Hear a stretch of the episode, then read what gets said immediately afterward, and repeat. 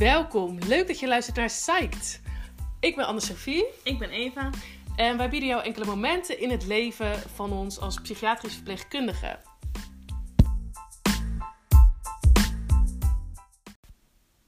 In deze aflevering gaan we het met jullie hebben over de postpartum psychose.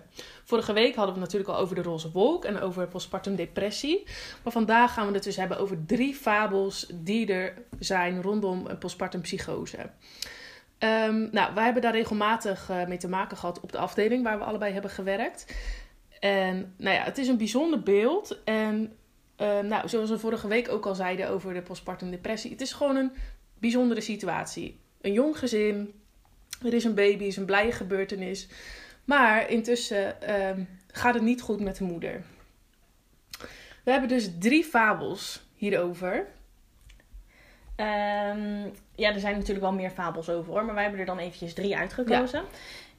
Eén is, het is altijd de schuld van de moeder. Of ze gebruikt drugs, of ze was al instabiel, psychiatrisch gezien. Ja, dus dat het gedrag of eh, dat het ligt zeg maar aan de moeder, dat zij daar invloed op heeft.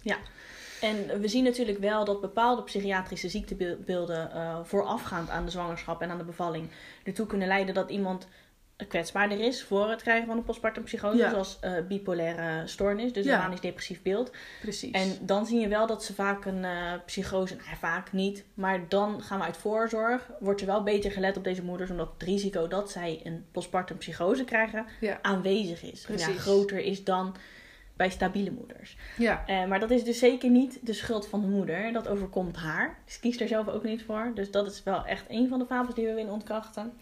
Eh, de tweede is, moeders houden niet van hun baby en het zijn daardoor geen goede moeders. Het kan natuurlijk voorkomen dat zij het gevoel voor het kindje niet helemaal hebben. Dat hoort, dat is onderdeel van de psychose. Ja. Kiezen ze niet voor, hebben ze niet, eh, geen schuld aan, maar dat, ja, dat kan. ja. Maar het is niet dat ze minder van het kindje houden. Ehm, de hele belevenis, zeg maar, wat er in het hoofd van zo'n moeder omgaat, dat wordt gewoon heel erg beïnvloed door allerlei chemische processen. Want de psychose, nou ja, moet je eigenlijk zien als dat je hersenen een soort van overuren draaien. En Zeker bij manische psychose, dan eh, je kan je voorstellen, moeders slapen slecht. Sommigen slapen echt maar een paar uurtjes. Ja.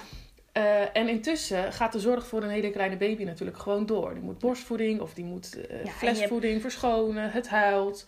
Dus de nachtrust is van elke moeders gewoon al Slecht. Al slecht. Ja. Maar op het moment dat dat eh, te lang duurt en dat er, als er dus een bepaalde gevoeligheid is voor de psychose, of als er echt langdurig stress is geweest, En sowieso heeft de moeder al stress, omdat er ineens, zoals we bij die postpartum depressie al noemden, je hebt ineens verantwoordelijkheid ja, voor een klein, een klein Ja. mens. Dus het is heel veel al druk ligt erop. Ja. Je hebt hormonen die meespelen, dus ze Ja. hebben al sowieso al die kwetsbaarheid, moeders. Ja, Dus je moet gewoon zorgen dat de moeder ook voor zichzelf gaat zorgen, in plaats van alleen voor, het, voor de kleine. Precies. Want anders is ze ook niet in staat om voor de baby te zorgen. ja.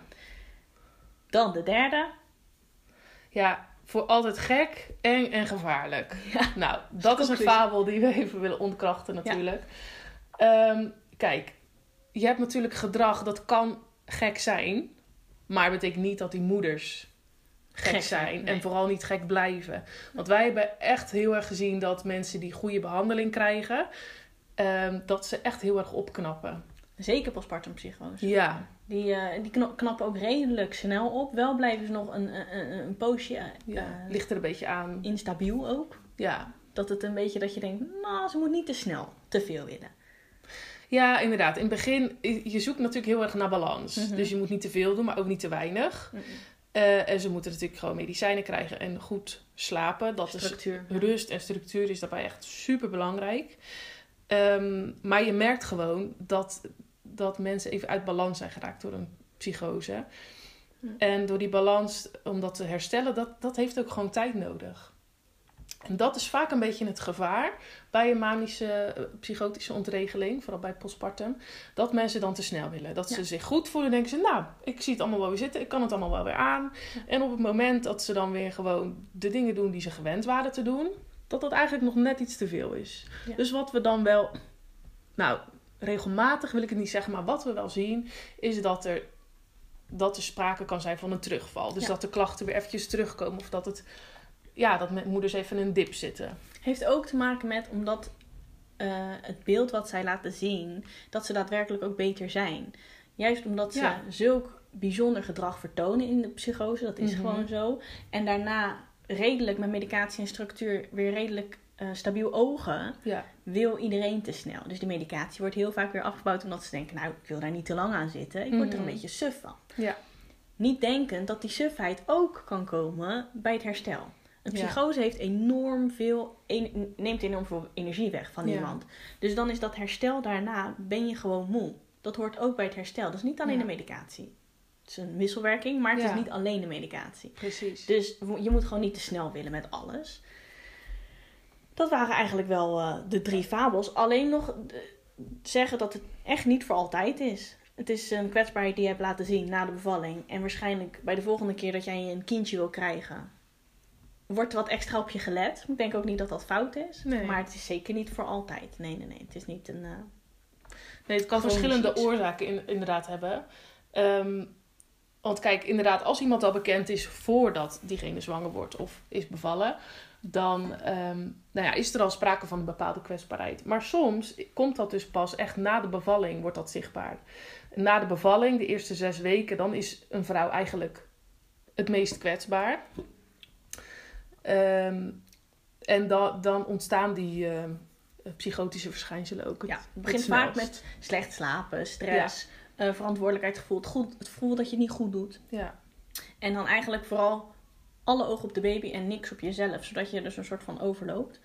Eh, en eh, wij zien hebben natuurlijk weer de meest extreme gevallen gezien. Laten we dat voorop Ja. Het gebeurt ook heel vaak dat je gewoon alleen goed moet slapen. En dat je dan ook weer vanzelf herstelt. Dat kan Ja. allemaal. Het hoeft niet per se te zijn dat je dus daadwerkelijk antipsychotica moet hebben. Of dat je eh, eh, gesloten afdeling moet, moet zien, zeg maar. Dat hoeft allemaal niet. Kan inderdaad ook gewoon thuis. Ja, als je Ja. twijfelt kan je altijd naar de huisarts gaan. Ja. Die kan daar ook gewoon adequaat mee omgaan. Dus het, het hoeft echt niet altijd eh, extreem, extreem te zijn. Zeker. Dan hebben wij ook nog allebei ehm, een situatie. Want dat hebben Ja. we in de andere afleveringen ook gedaan. Dat, dat willen wij er ook gewoon inhouden. Dat we een eh, praktijkvoorbeeld geven van wat we hebben meegemaakt. Ja. Van iemand die we, of het eerste, vonden we ook heel bijzonder namelijk. Of eentje die ons heel erg is bijgebleven. En dat gebeurt altijd als verpleegkundige. Je hebt altijd casussen Ja, die je bijblijven voor de rest van je leven. Dat is gewoon zo. precies. Dus Anne, welke is van jou? Eh, nou, ik herinner me nog een vrouw die was net opgenomen. Ik had avonddienst, dus ze was in de dagdienst opgenomen. En ehm, nou ja, de, babytje was eh, al op de babykamer. Dus het betekent dat de moeder wel zelf de zorg mag doen, maar onder begeleiding van de verpleegkundige. Deze vrouw was ook echt flink manisch psychotisch. En dat merkte je aan haar dat ze heel snel sprak. En eh, dat ze eigenlijk heel onrustig was. Ze deed honderdduizend dingen tegelijk. Ze had zichzelf een beetje, nou, slordig aangekleed. En ze was eigenlijk continu bezig met... Ik moet mijn kindje zien. Ik moet mijn baby zien. En ik moet nu kijken of ze wat nodig heeft.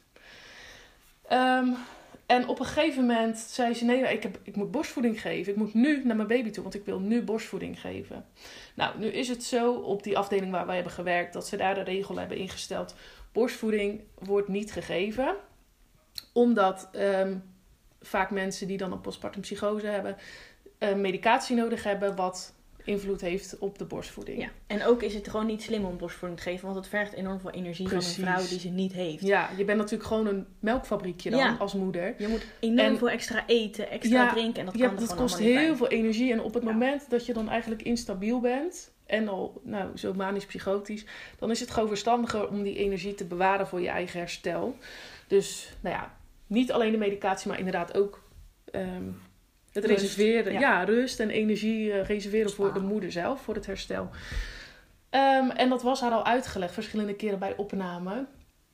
Maar ja, op een of andere manier is het zo druk in haar hoofd dat het niet is blijven hangen. Dus ik zei tegen haar, nou, ik zeg, borstvoeding, dat kan je hier niet geven, dat moet je nu stoppen. En ze had al allerlei koelcompressen en zo'n hele strakke sport BH aan.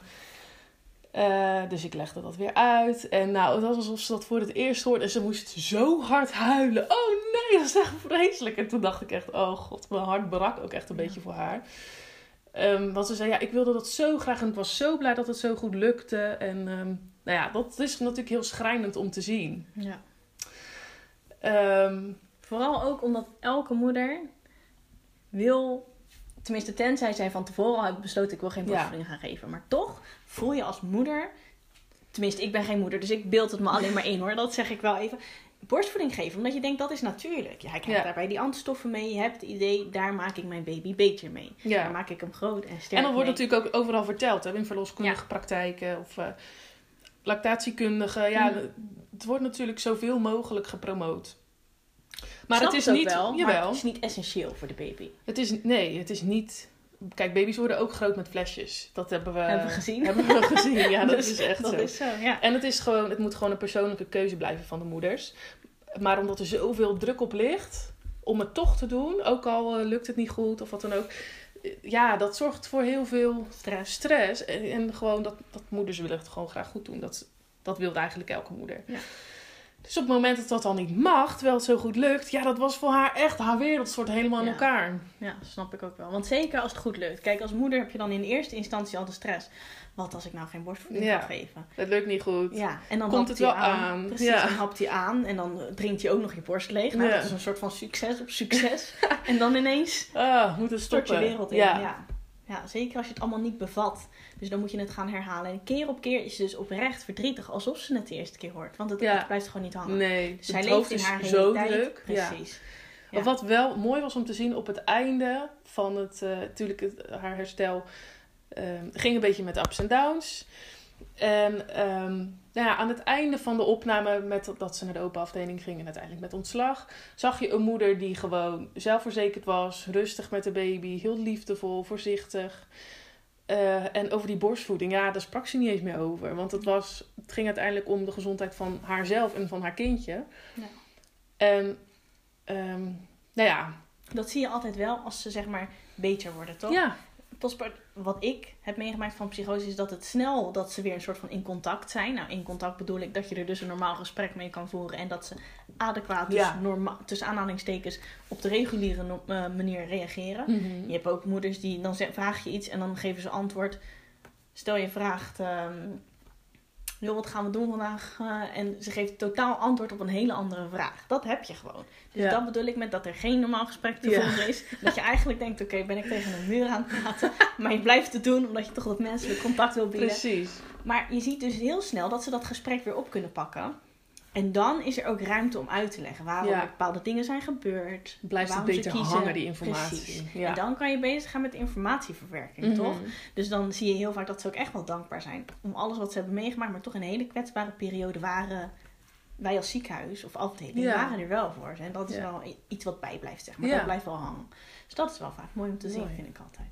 En wat was jouw eh, meest Ja. indrukwekkende situatie? Ze zijn allemaal wel keer? indrukwekkend, Ja. hoor, moet ik zeggen. Want het is eh, een heel bijzonder beeld, laat ik het maar zo gewoon noemen. Ja, zeker. Eh, ze zijn typisch is wel de controlebehoeftigheid en de, en de chaos. Dus ze hebben zeg maar een controlebehoefte, maar ze kunnen het niet waarmaken voor zichzelf, want de chaos heerst in hun hoofd. Ja, En dat maakt dat ze zo'n hond die de hele Ja. tijd achter zijn staart aanloopt. Het komt niet. Ja, het is misschien een beetje een lullige vergelijking, maar zo bedoel ik het echt niet. Maar het, het, het gebeurt niet. Ja, het ze lukt, ze komen er gewoon niet toe. Precies, maar ze krijgen het niet. Ja. Dus ze gaan controlebehoeftig zijn over hele, nou ja, dingen die wij niet helemaal snappen. Ja. Dus ze maken lijstjes en dan zeggen ze, oh, ik heb het hier ergens staan hoor. En dan zoekt ze het op. Zeg maar lijstjes en lijstjes en Ja. papieren. Ja. Ze lopen altijd met een mapje papieren rond. en allemaal losse blaadjes ook nog. Niet één boekje, Ja. losse blaadjes. Die zucht, alle of zeg maar het, het verlangen naar weer grip te krijgen op Precies. die situatie, die is dan Is zeg maar zo groot dat ze hun uiterste best doen om overal lijstjes te maken, maar wat het eigenlijk alleen maar erger maakt. Ja. En ze hebben ook heel vaak dat magische denken. Nou, deze vrouw die had, eh, die droeg heel vaak All-Stars. Die had ze ook echt in allerlei verschillende kleuren. Alleen ze had een bepaalde associatie met de groene en de rode All-Star. En dan maakt het niet uit links of rechts, maar ze had altijd één groene en één rode in een linnen tas mee. Nou ja, in die linnen tas zat natuurlijk heel de inhoud van de hele kast zowat. Maar die droeg ze overal mee. En dan ging ze aan tafel zitten en dan stond hij naast haar. Terwijl er eigenlijk gewoon andere patiënt hoort te zitten. Maar die tas moest overal mee. En toen eh, was een keer die groene of de rode, was er een keer eentje kwijt. Nou, ze raakte helemaal van slag natuurlijk. Het was gewoon haar vaste prik. Ze ging de kamer uit, ze pakte die linnen Ja. tas met die Dat twee was heel logisch erin. voor haar om dat te doen. Zij had gewoon groen en rood, kwaad, slecht. Ze had gewoon een bepaalde associatie daarbij. Ja. Dit hoort bij mijn leven nu. Ja. En ze droeg overal die tas na. En dan is er een kwijt. Ja, en dan zie je inderdaad, net als met die borstvoeding, heel die wereld stort in. Ze zijn ook echt oprecht verdrietig. Mhm. Wij denken, ja, het is een schoen. Hij ligt waarschijnlijk ergens in je kast. Maar nee, heel die kast overhoop gehaald. Waarschijnlijk is hem ergens gewoon op de afdeling verloren. Oh, of ja. in de was, of ergens. Maar je ziet gewoon heel erg die eh, chaos, denk Ja. ik, dat ik het goed kan omschrijven. chaos met controlebehoeftigheid. En dat, Ja. dat is wel wat me vooral is bijgebleven. Je ziet het ook wel bij moeders die net op de afdeling komen. Je weet het gelijk. Je praat echt vijf Ja. minuten met ze en je denkt, oké, ja, Duidelijk. postpartum Je gaat het herkennen dan. Ze hebben allemaal bepaalde trekjes. trekken. Ja. Ja. ja, ja. Want soms komen er ook wel eens moeders die zijn bevallen. eh, maar de baby's bij ons op de afdeling komen maar tot zes maanden. Ja. En soms is die baby zelfs al een beetje oud. Maar dan nog steeds zie je bepaalde trekjes. Dan hebben ze het gewoon heel lang proberen te rekken. Mhm. Met het excuusjes, want dat kan ook heel erg passen bij. Ja, ik ben gewoon moe. Ja, ik weet, om te Ja. verklaren waarom ze zo in de war zijn. En eh, dan, dan zie je gewoon nog steeds postpartum psychose. Ja. Ook al is het al, al veel te laat, maar dan zie je het gewoon. Dan hebben ze het gewoon weten te rekken. En dan komt de adequate behandeling en dan zie je die rust een soort van wederkeren. Ja. Dat is wel een heel mooi moment om te Ja. zien. Dat ze dan ineens opstaan dat ze zich wel aan de planning houden. Inderdaad. Wat heel vaak Ja. niet gebeurt. En ook in het contact met de baby. In het begin zijn ze natuurlijk nog heel erg van... oh ja, er zijn hier te verpleegkundigen... en ik moet laten zien dat ik een goede moeder ben. Een soort van prestatiedrang of zo. En Ja. later dan is dat helemaal weg. En dan zie je gewoon... zitten ze ontspannen te lachen met die baby. En is de baby vaak ook ontspannen. Ja. dan weten ze een beetje wat ze kunnen doen. Tuurlijk is het ook een gekke omgeving om niet thuis te zijn, maar ergens in een ziekenhuis met een babykamer, met En andere moeders en kinderen. En een verpleegkundige, ja. Ja, dat is ook wel een dingetje. Hè? Dat ze zich echt bekeken voelen en veroordeeld. Terwijl het is niet een veroordeling. Ja. Het is gewoon helpen. Precies. Proberen Ondersteunen, samen ja. de beste zorg voor jouw kleine te geven. Precies. Ja, dat is echt wel heel... eh, Ik vind het wel mooie momenten. Ja. In bad doen. Voor de eerste keer met een, met een moeder. Ja. Vond ik, dan word je een soort van zelf blij ervan. om te zien hoe teder ze met een babytje met omgaat. En echt een mooi moment. vind ik ook. Hele mooie momenten meegemaakt vind ik wel op die afdeling. Ja, dat blijft. Bizar, van, ja, indrukwekkend beeld, maar mooi om te zien als het herstel opknapt is. als het ja. herstelt. Ja. Nou, de taken van de verpleegkundigen zijn hierin dus, denk ik, opgesomd het bieden van structuur, maar Ja. ook het bieden van rust. Eh, enigszins ook het idee geven dat ze daadwerkelijk controle hebben over de situatie, ook al hebben ze dat niet. Maar ook zeggen van, joh, oké, we gaan samen zoeken naar je schoen nu. We Ja. gaan rust nemen, maar dat je ze wel ook iets geeft. Ook al denk jij, nou ja, wat, waarom moet ik een schoen gaan zoeken? Ja. Maar je doet het. Een lijstje, als ze vraagt of je naam op wil schrijven. En Ja. voor het slapen gaan, die zei... eh, ja, ik kan echt niet slapen. Kan je nog één naam opschrijven op het lijstje? En dan kijk je naar dat lijstje en dan staat er in allerlei verschillende handschriften... staan al echt de meest random dingen. Dus ja, echt eh, van schoen tot eh, lepel tot... En allemaal op een lijstje in allemaal andere handschriften. Want iedereen doet dat. Die denkt, Ja. oké, als je gaat slapen schrijf ik even die naam voor Kun je je dit op. even voor me opschrijven? Want dan kan ik lekker slapen straks. Ja, dat nee, is goed besef. meid. Ik schrijf dit op. Wel rust. Ja, slaap lekker, twee minuten later gaat weer het alarm. Maar ja, dat accepteer je wel, dat doe je. Ja. Dus dat, Beetje erin meegaan eigenlijk. precies. Ja. Maar tot op een zekere Ja, hoogte precies. natuurlijk. Maar in ieder geval in- in- het bieden inderdaad van die controle toch nog ergens. Eh, dagstructuur bijhouden en dan Ja. de zorg voor de kleine. Maar ook goed letten op de intake, dat ze genoeg eten, genoeg Ja. drinken. Beetje zorgen voor de moeder, zeg maar, waar ze dat zelf niet kan. Ja. Dus ik denk dat dat wel de taken zijn. Medicatie natuurlijk. Ja. Ze weigeren het altijd, maar je probeert het toch. Ja. Tot ze het wel doen. Precies. Eh, en verder was dat het denk ik wel. Ja? De dat zijn behandeling wel de gewoon een beetje. Ik denk dat dat wel de belangrijkste taken Ja. waren die wij hadden denk het op de afdeling. Nou, dat was dus de postpartum psychose. Ehm, bij verdere vragen of opmerkingen, kan natuurlijk ook, mogen jullie ons altijd een berichtje sturen via social media. Bedankt voor het luisteren. Tot de volgende keer. Tot de volgende keer. Doei. Bedankt voor je aandacht. Heb je een vraag aan ons? Dan zijn wij te bereiken via social media en onze websites. Graag tot de volgende keer.